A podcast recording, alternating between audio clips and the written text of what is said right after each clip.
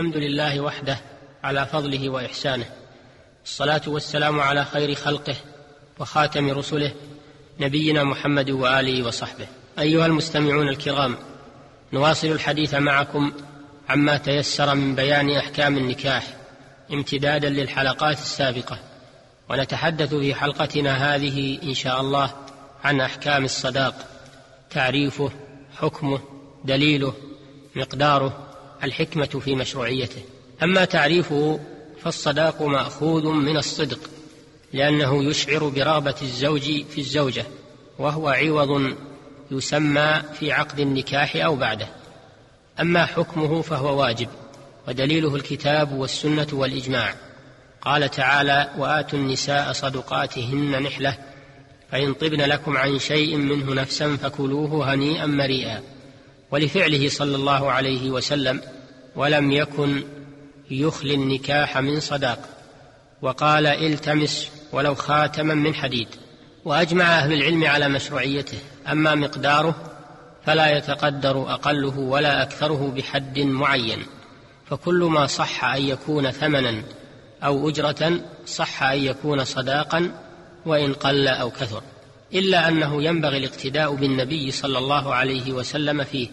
بأن يكون في حدود أربعمائة درهم وهي صداق بنات النبي صلى الله عليه وسلم. قال شيخ الإسلام ابن تيمية رحمه الله الصداق المقدم إذا كثر وهو قادر على ذلك لم يكره إلا أن يقترن بذلك ما يوجب الكراهة من معنى المباهاة ونحو ذلك. فأما إن كان عاجزا عن ذلك كره. بل يحرم إذا لم يتوصل إليه إلا بمسألة أو غيرها من الوجوه المحرمة. فأما إن كثر وهو مؤخر في ذمته فينبغي أن يكره لما فيه من تعريض نفسه لشغل الذمة. انتهى كلامه.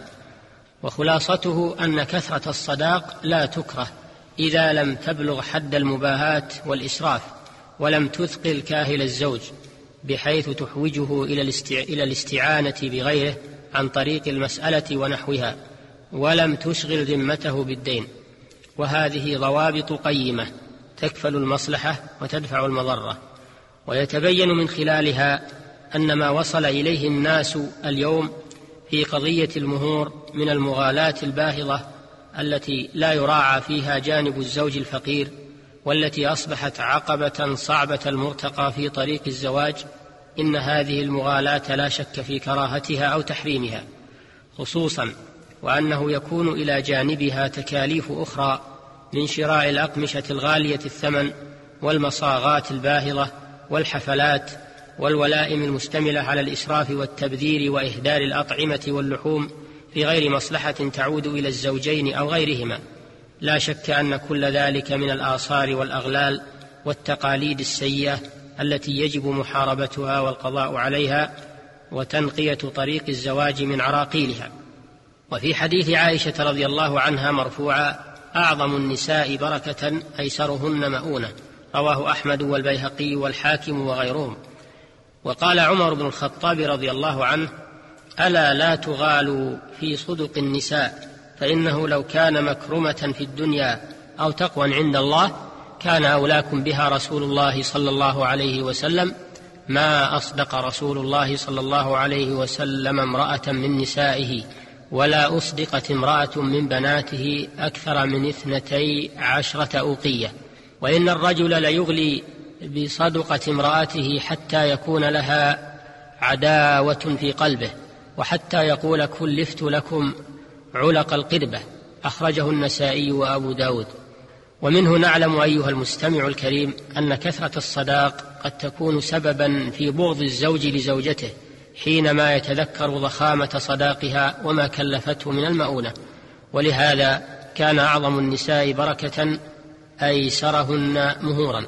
ولهذا كان أعظم النساء بركة أيسرهن مؤونة. كما في حديث عائشة فتيسير الصداق يسبب البركة في الزوجة ويزرع لها المحبة في قلب الزوج. فاتقوا الله أيها المسلمون وأصلحوا من هذا الواقع المرير ولا تتبعوا سبل المسرفين والمبذرين إن المبذرين كانوا إخوان الشياطين والحكمة في مشروعية الصداق أن فيه معاوضة عن الاستمتاع وفيه تعزيز لجانب الزوجة وتقدير لمكانتها في حق الزوج وتستحب تسمية الصداق وتحديده في العقد وذلك لقطع النزاع ويجوز أن يسمى ويحدد بعد العقد لقوله تعالى لا جناح عليكم إن طلقتم النساء ما لم تمسوهن أو تفرضوا لهن فريضة. فدلت الآية الكريمة على أن فرض الصداق قد يتأخر عن العقد. وأما نوعية الصداق فكما تقدم أن كل ما جاز أن يكون ثمنا في بيع أو أجرة في إجارة أو قيمة لشيء جاز أن يكون صداقا سواء كان من عين أو دين أو معجل أو مؤجل أو منفعة معلومة. وهذا مما يدل على أنه مطلوب تيسير الصداق حسب الظروف والأحوال تيسيرا للزواج الذي يتعلق به مصالح عظيمة للأفراد والمجتمعات. وفق الله الجميع لطريق الرشاد والسداد. والحمد لله رب العالمين. وإلى الحلقة القادمة بإذن الله وتوفيقه. والسلام عليكم ورحمة الله وبركاته. وصلى الله وسلم على نبينا محمد وآله وصحبه